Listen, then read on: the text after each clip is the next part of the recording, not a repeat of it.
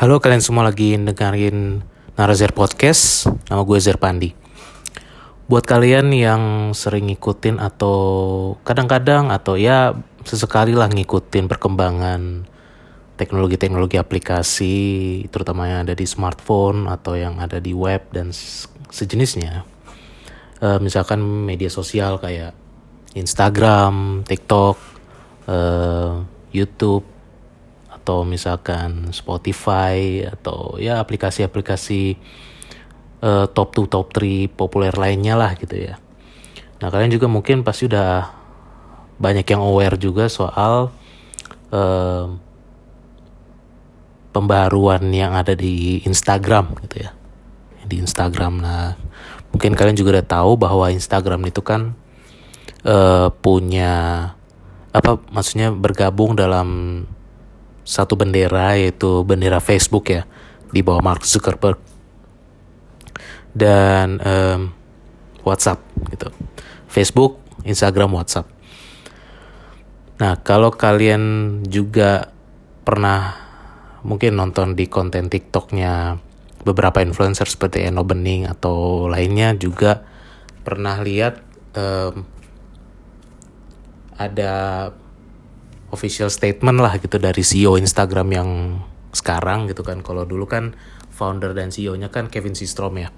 Kalau yang sekarang kayaknya namanya harusnya ada Mosri yang gue dapat artikelnya dan ada Mosri waktu itu pernah bikin official statement tahun ini di 2021 bilang bahwa e, mereka udah nggak concern lagi di fotografi tapi lebih ke video atau nggak short video kayak reels ya yang kalian tahu reels e, istilahnya TikToknya Instagram lah. Terus juga kalau kalian perhatiin YouTube juga YouTube punya short video sendiri namanya Shorts gitu kan, yang kurang dari satu menit, apa satu menit ke bawah lah gitu. Um, ini kan terlihat um, mereka ingin me mereplikasi atau apa namanya ya gitulah meniru kesuksesannya TikTok gitu. Dan orang-orang bilang wah TikTok bakal ke fokusnya ke video nih IGTV, Reels dan kawan-kawan misalnya gitu uh, gue sebagai praktisi lah. Uh, udah hampir 10 tahun lah praktisi di industri IT ya. Dan gue punya opini dan analisis gue sendiri tentang Instagram. Dan gue dan analisis dan opini gue ini nggak sekedar cuap-cuap dong ya tapi gue juga punya basis dengan buku. Mungkin bukunya ini buku bikinan tahun 2014 ya tapi menurut gue di masa sekarang masih banyak lah sebagian masih relevan lah buat di diadaptasi untuk pengembangan bisnis atau teknologi startup. Nama bukunya How to Build a, Million, a Billion How to Build a Billion Dollar App. Billion dollar app itu berarti satu miliar US dollar lah gitu ya. Uh, karangan George Berkowski George Berkowski ini dia itu founder dari startup Hilo kayak riding hell-nya riding hell-nya Amerika kayak Gojek-nya Amerika lah gitu ya. Uh, gue nggak tahu sekarang masih ada atau enggak cuman ya dia cukup bagus lah bikin buku dan waktu itu gue beli di toko buku di Depok lah. Dan ini bukunya baru dibikin bahasa Indonesia-nya tuh 2020 dan Padahal sebenarnya ini tahun 2014 dan ini harganya lumayan lah 140 ribu. Lumayan mahal gitu. Cuman karena tebal makanya gue beli. Nah gue pakai basis dari buku ini gitu ya. Apa basisnya? Um, menurut gue Instagram ini bukan mengandalkan reels atau short video mereka itu fitur short video mereka itu untuk bertahan e, bertahan untuk bertahan dan bersaing dengan kompetitor-kompetitor baru gitu. E,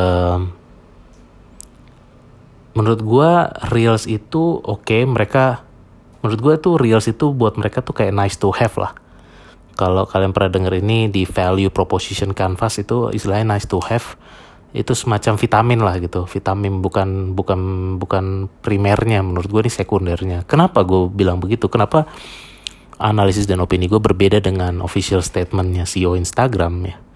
Karena gue melihat uh, Facebook juga sedang berupaya yang sama Instagram dan Facebook Oke, gue ngomong Instagram dulu ya. Instagram itu kan kita kenal kayak Instagram dan Twitter itu kan biasa pakai DM ya, direct message.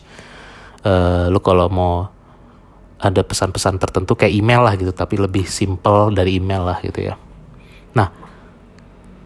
Uh, eh, gue melihat yang perubahan yang terasa itu di Instagram itu lebih ke DM-nya.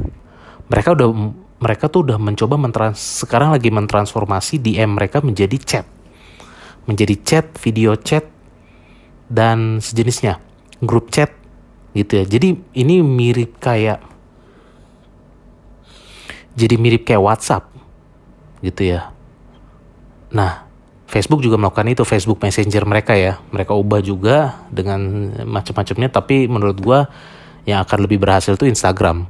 Kalau mereka ingin berubah menjadi video chat dan feeling gue kalau ini berhasil mereka akan memisahkan Instagram sosial media dengan Instagram chat mereka jadi berubah jadi Instagram Messenger gitu ya uh, kalau yang kalian tahu kita tahu lah uh, sekarang itu kan yang chat messenger terbesar itu kan ya WhatsApp, Telegram, mungkin Line juga masih banyak yang pakai dan Discord ya untuk orang-orang gamer gitu.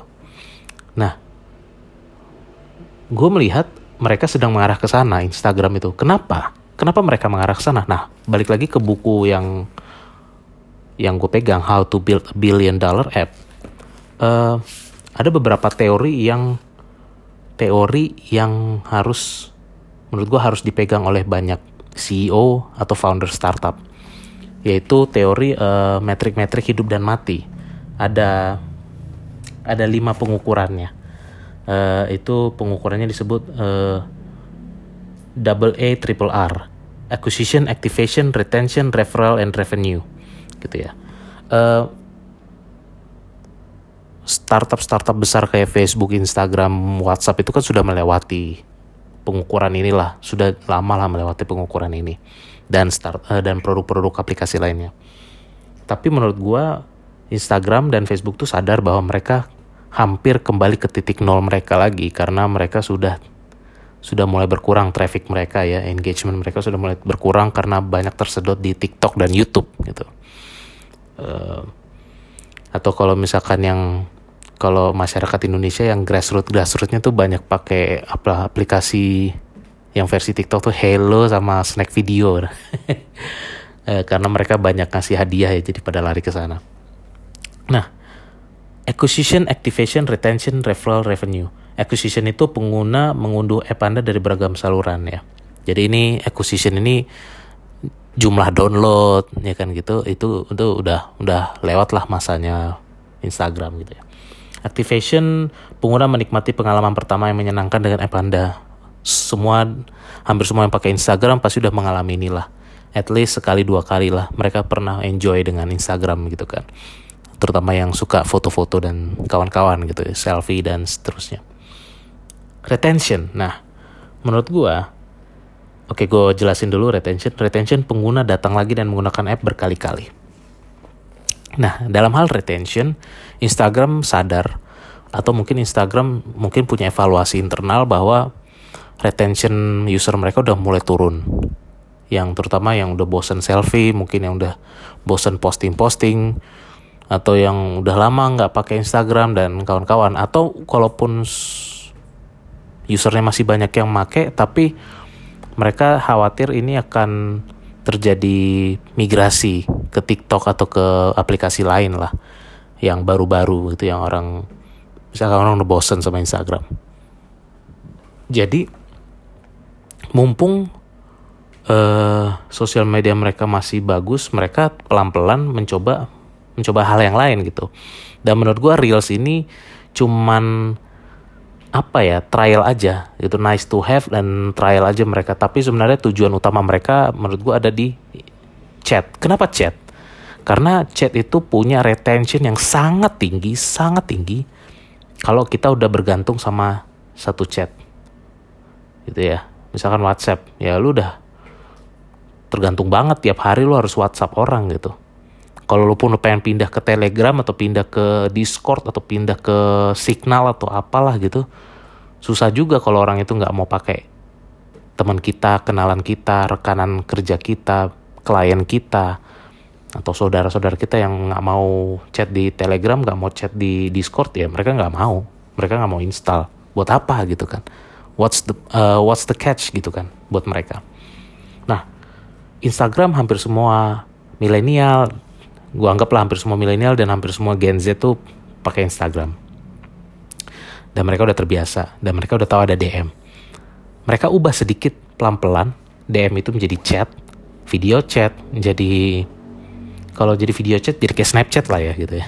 Uh, video chat dari chat biasa, grup chat, nama grup chat mereka rooms dan kawan-kawan gitu ya. Uh, ini adalah uh, memiliki aplikasi chat itu memiliki retention yang sangat tinggi. Karena kalau kalau menurut buku ini ya biar biar lebih valid lah ya biar nggak cuman sekedar opini gue pribadi di halaman 171 dalam hal retensi ini tergantung pada apakah app anda itu game di mana app terkemuka membuat orang terus kembali setiap hari.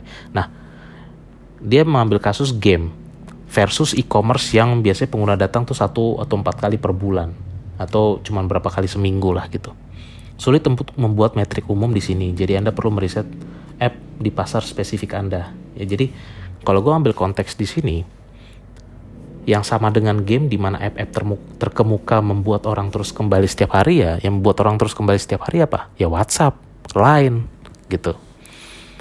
Orang kenapa udah mulai nggak pakai Line ya karena terlalu berat ya, load performance-nya berat. Nah, jadi ini kesalahan di teknis sih menurut gue gitu. Nah, tapi Instagram kan cukup ringan, sebenarnya cukup ringan. Kalau Instagram sosial media dan Reels dan IGTV dan dan apa namanya tuh dan DM-nya aja tuh masih tergolong ringan apalagi kalau mereka misahin sosial media mereka dengan chat messenger mereka gitu uh, tinggal login aja gitu kan jadi uh, Instagram sangat gue yakin sangat berharap mereka bisa menjadi uh, alternatif chat messenger selain WhatsApp gitu. Jadi ya apalagi apalagi uh, WhatsApp itu kan grup mereka ya. Jadi mereka pasti bisa lah kong kali kong untuk saling membantu mutual uh, mutual simbiosis lah gitu ya. Atau ya mutual agreement dan dan dan sejenisnya lah gitu. Nah, sekarang kan WhatsApp itu lagi fokus di ini ya, bisnis chat ya. Bisnis chat, PT perusahaan apa, perusahaan apa bisa punya chat official gitu. Jadi call center call center ini lagi coba di disrupt sama WhatsApp untuk menjadi untuk pindah ke bisnis chatnya WhatsApp. WhatsApp bisnis dan WhatsApp bisnis ini sejauh ini masih gratis, masih bisa lu dapatkan dan gratis. Uh, hari ini atau saat lu denger detik ini juga lu bikin WhatsApp bisnis pun udah langsung jadi dalam hitungan detik hitungan menit nah jadi kalau WhatsApp akan fokus di bisnis call center misalkan gitu ya jadi call center kayak kemarin tes PCR eh, jawabannya apa hasil tesnya lewat WhatsApp bisnisnya eh, lab farmasinya gitu terus apalah kayak misalkan puskesmas atau layanan-layanan umum itu pada balas jawaban orang di WhatsApp bisnis. Dulu COVID-19 RI info-info terbaru atau butuh sesuatu di tahun kemarin tuh pakai WhatsApp bisnis dan seterusnya dan seterusnya. Nah, kalau WhatsApp fokus ke bisnis, Instagram bisa ngambil kue yang kue yang personal-personal chat atau yang regular-regular chat yang biasa kita lakukan tiap hari gitu. Nah, menurut gue CEO Instagram itu uh, apa ya? Uh, kalau gue pernah belajar research di Apple Developer Academy, mereka pakai metode namanya empathy map. Empathy map itu uh, ada empat unsur, gue lupa ya. Unsurnya apa aja harus gue ingat harus gue recall lagi harus gue cari lagi. Kelamaan ya uh, eh, gue cari.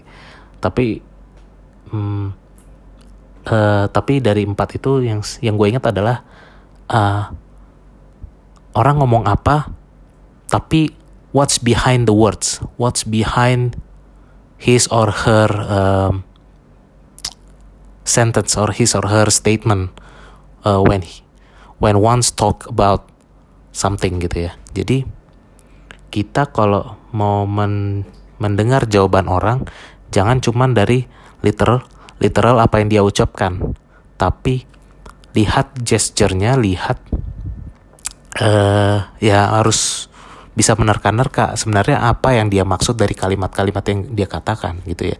Kayak kayak lu pacaran aja lah gitu. Kayak lu ngomong sama cewek lu atau lu ngomong sama cowok lu lu nanya sesuatu terus dia jawab sesuatu dia jawab A B C tapi kan lu nggak langsung kadang-kadang kalau lu lagi curiga sama pacar lu lu nggak langsung menangkap bahwa itu adalah A B C. Bisa aja bukan A B C tapi yang dia maksud adalah X Y Z. Tapi dia menutupinya dengan ABC. Nah, itu yang maksud gue bisa kita tangkap kembali lagi ke official official statementnya CEO dan kawan-kawan. Ya, kalau official statement tuh kan pasti yang bagus-bagusnya aja lah gitu, atau yang sesuatu yang enggak yang nggak dirahasiakan dikasih tahu. Tapi sesuatu yang rahasia atau sesuatu yang yang surprise, yang mereka ingin kasih surprise atau mereka ingin bikin strategi biar orang kompetitor yang gak ada yang tahu, ya mereka akan sembunyikan itu gitu.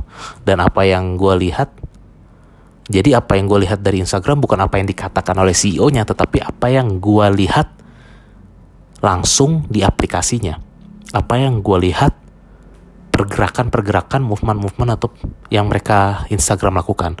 Dan belum lama ini juga gue dapat survei lah, gue dapat uh, uh, kiriman gitu ya di aplikasi Instagram itu sendiri, kiriman survei research lah mereka kayak research lagi, UX research lagi sebenarnya apa yang lu butuhin di Instagram sebenarnya apa yang lu pengen dari Instagram.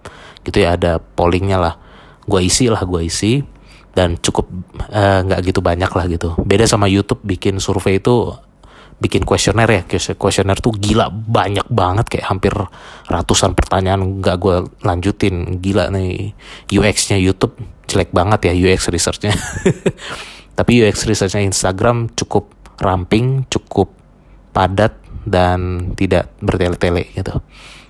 Nah gue isi. Tapi ya mereka mungkin UX itu kan apa yang dijawab orang mereka nggak langsung tangkap itu adalah jawabannya, tetapi mereka akan menangkap uh, apa yang dimaksud apa yang dibalik dari jawaban-jawaban tersebut. Nah itu cukup tricky sih. Nah itu makanya kenapa uh, seninya meriset itu ada ada seninya untuk meriset UX research gitu ya. UI UX research. Nah, jadi itu aja sih kalau menurut gua soal Instagram uh, dan juga Facebook yang sama-sama satu bendera ya, satu grup. Facebook sedang berusaha untuk menjadi itu, menjadi chat messenger juga. Tapi gua nggak tahu berhasil atau enggak. Tapi yang gue lihat mungkin Instagram punya probability yang lebih sedikit lebih tinggi daripada Facebook untuk menjadi chat messenger yang bisa diandalkan untuk mendapatkan retensi itu gitu ya untuk mendapatkan retensi. Jadi uh, kalau kembali lagi sedikit ke buku buku bilang ada lima model bisnis utama. Lima model bisnis utama. Pertama game kedua e-commerce ketiga audiens konsumen periklanan uh, audiens konsumen periklanan ini kayak Instagram, Snapchat menurut dia atau kalau bisa gue tambah lagi ya kayak Google ya, kayak Google dan YouTube juga. Terus perangkat lunak sebagai layanan SaaS, software as a, software as a service. Nah, WhatsApp ini masuk di software as a service kalau menurut dia. Dan kelima adalah enterprise. Enterprise ini mirip-mirip kayak SaaS juga. Kayak big data, Tableau, uh, kalau ada yang tahu Tableau ya. Atau kayak enterprise itu kayak SAP SAP Oracle um, kalau yang banyak dipakai sekarang apa ya? Hmm, apa ya? Gue lupa lagi. Oh wow, enterprise enterprise enterprise. Ya itulah ya uh, kayak SAP lah gitu. Tapi ada yang nyangkut di pikiran gue apa ya SAP, Oracle, Enterprise, uh, IBM, Microsoft lah ya gitu gitulah. Microsoft, uh, hmm, Apple Apple enggak Apple Apple enggak bi Apple lebih B2C sih. B2B-nya enggak gitu kuat. SQL lah kayak SQL dan kawan-kawan. Ya gitu gitulah Microsoft Office. Uh, jadi uh, tapi kan ini 2014 ya jadi mungkin ada perlu ada perlu pengembangan perubahan apa update sedikit lah. Karena kan teknologi itu kan bergerak sangat cepat ya. Ini buku usianya udah enam tahun gitu kalau dari karangannya. Nah eh, apa ya? Gue mau bilang. Jadi ya ya itu um, Instagram uh, masa depannya masih oke okay, menurut gue dan mereka sedang sedang kembali istilahnya kembali merefleksi diri lah gitu. Merefleksi diri apa yang bisa membuat mereka bertahan dan berkembang lagi. Hmm, oh ya ini kayak Instagram kan juga punya marketplace ya. Jadi semua mereka coba semua mereka coba. Cuman menurut gue sih marketplace kayak di Facebook ya marketplace e-commerce e-commerce online shop gitu dan dan video-video shortnya itu menurut gue belum tentu berhasil. Agak sulit untuk berhasil kalau kalau nggak ada unique value yang bisa uh, mendobrak ya gitu. Karena menurut gue kayak online shop online shop itu cuman reaksi aja sih reaksi Instagram dan Facebook yang melihat banyak forum jual beli di di platform mereka yang transaksinya uh, manual tapi jualannya di platform mereka. Jadi mereka mewadahi itu. Uh, ya kembali lagi lah marketplace itu kan ya kebanyakan sih perempuan yang sering ngecek-ngecek belanja apa produk-produk ya. Kalau cowok-cowok sih menurut gua nggak sesering cewek jadi itu nggak bisa dianggap sebagai daily use app.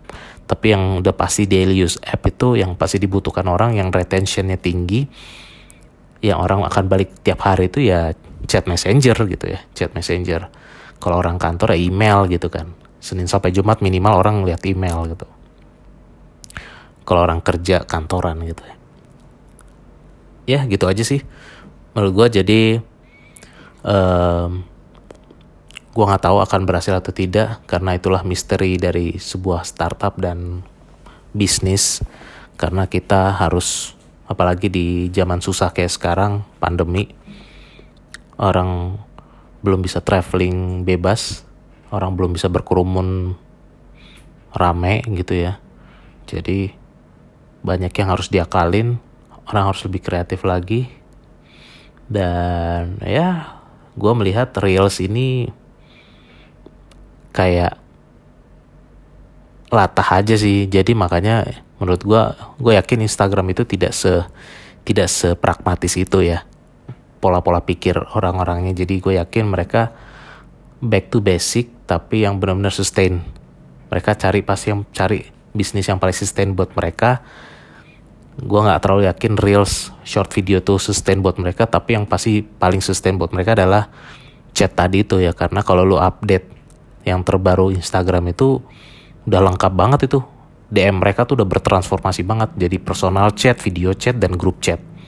Gitu. Jadi Twitter dari dulu sampai sekarang DM-nya gitu-gitu aja ya. Cuman penambahan-penambahan fitur-fitur pelengkap atau yang mempermudah atau memperingan performance saja tapi Instagram sangat bertransformasi di di di Messenger. Gitu di Messenger. Facebook juga gue lihat tapi kan Facebook selama ini berbasis web ya. Jadi uh, mereka uh, disadvantage mereka ya di situ karena orang biasanya buka Facebook itu di web di handphone itu ya banyak sih yang pakai Facebook di handphone cuman ya ya mereka kan dulu boomingnya di web ya gitu. Sama kayak Twitter dulu boomingnya boomingnya di web. Uh, jadi agak susah sih. Jadi menurut gua Facebook itu lumayan struggling buat menarik Gen Z bahkan menarik milenial sekalipun. Makanya Facebook harus lebih harus cari model bisnis yang lebih sustain lagi gitu. Menurut gua Facebook menurut gue Facebook udah B2B aja udah gitu. Kan reputasinya udah bagus ya. Tuh. reputasi dia udah bagus di dunia. Ya jadi gue yakin enterprise enterprise pasti percaya sama service dia ya lari ke B2B aja. Kayak Google Indonesia kan di di Indonesia tuh mereka B2B mereka jualan Google Classroom mereka jualan Google Education. Uh, ya gitu. Jadi uh, kasih gratisan-gratisan ke sekolah-sekolah universitas ya. Uh, kenapa mereka mau kenapa pemerintah governance atau lembaga pendidikan mau ngambilnya? Karena reputasi udah bagus gitu jadi gue rasa Facebook saran gue sih Facebook lari ke situ aja lari ke B2B aja atau B2G gitu kan um, yang kasih service-service yang lebih advance lah gitu entah mereka bikin Facebook database kayak SQL atau apa gitu. Facebook engineering kan mereka kan lumayan aktif juga. Oke gitu aja sih uh, untuk tag opinion monolog podcast uh, Narazer di bulan Agustus 2021. Thank you udah dengerin. See you and see you. Bye.